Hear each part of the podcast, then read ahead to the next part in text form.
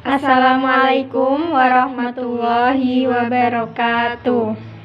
Perkenalkan, nama saya Cindy Putri Damayanti. Dan saya Anzil Afiani.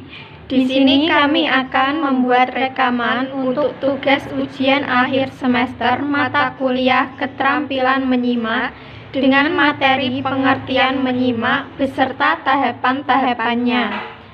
Langsung saja kita mulai pembahasan mengenai materi tersebut. Di sini saya ingin bertanya kepada Mbak Cindy, apa sih yang Mbak Cindy ketahui tentang pengertian menyimak? Baik, terima kasih untuk pertanyaannya. Langsung saja. Yang dimaksud dengan menyimak adalah proses dari aktivitas mendengarkan pesan dengan penuh perhatian, pemahaman, apresiasi, dan menafsirkan pesan tersebut untuk mendapatkan informasi lalu memahami isi informasinya. Atau arti menyimak yaitu mendengarkan dengan sungguh-sungguh untuk memahami pesan atau materi yang disampaikan dengan penuh perhatian, dengan keinginan yang tinggi, dan dengan pemahaman mengenai pesan atau materi yang disampaikan. Dapat dikatakan juga menyimak merupakan suatu proses mendengarkan lambang-lambang lisan dengan penuh perhatian dengan maksud untuk memperoleh informasi dan memahami makna dari informasi tersebut. Itulah beberapa arti atau penjelasan tentang menyimak. Terima kasih. Ya, Mbak Cindy, terima kasih untuk jawabannya. Sama-sama. Uh, lalu saya ingin kembali bertanya kepada Mbak Ansil mengenai apa saja tahapan-tahapan menyim dalam menyimak.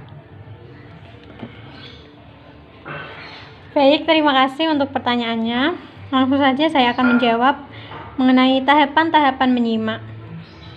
Terdapat beberapa tahapan dalam menyimak, di antaranya seperti tahap mendengarkan, memahami, menafsirkan, mengevaluasi, dan menanggapi yang penjelasannya itu sebagai berikut. 1. Mendengarkan atau hearing Tahap ini merupakan tahap di mana mendengarkan sesuatu dari yang menyampaikan pesan, lalu memprosesnya untuk memperoleh isi informasi yang baru. 2. Tahap memahami atau understanding. Dalam tahapan ini, setelah mendapat informasi dari pesan yang disampaikan oleh pembicara atau narasumber, maka pendengar akan merasa ingin mengetahui ingin mengerti dan memahami isi dari informasi yang sudah didapatkan dari apa yang sudah dia dengarkan. 3. Tahap menafsirkan atau interpreting. Biasanya pada tahap ini akan merasakan tidak puas dengan apa yang sudah disampaikan oleh narasumber yang menyampaikan pesan. Lalu akan muncul keinginan untuk menafsirkannya dalam pendapatnya sendiri yang dianggap bisa melengkapi informasi yang sebelumnya sudah didapatkan. 4. Mengevaluasi atau evaluating. Lalu setelah menafsirkan, biasanya akan melakukan evaluasi atau penilaian terhadap narasumber yang menyampaikan pesan. Apakah baik atau kurang baik dan biasanya pendengar yang mendapatkan informasi akan berpendapat mengenai kelemahan maupun keunggulan dari narasumber. 5. Menanggapi atau responding.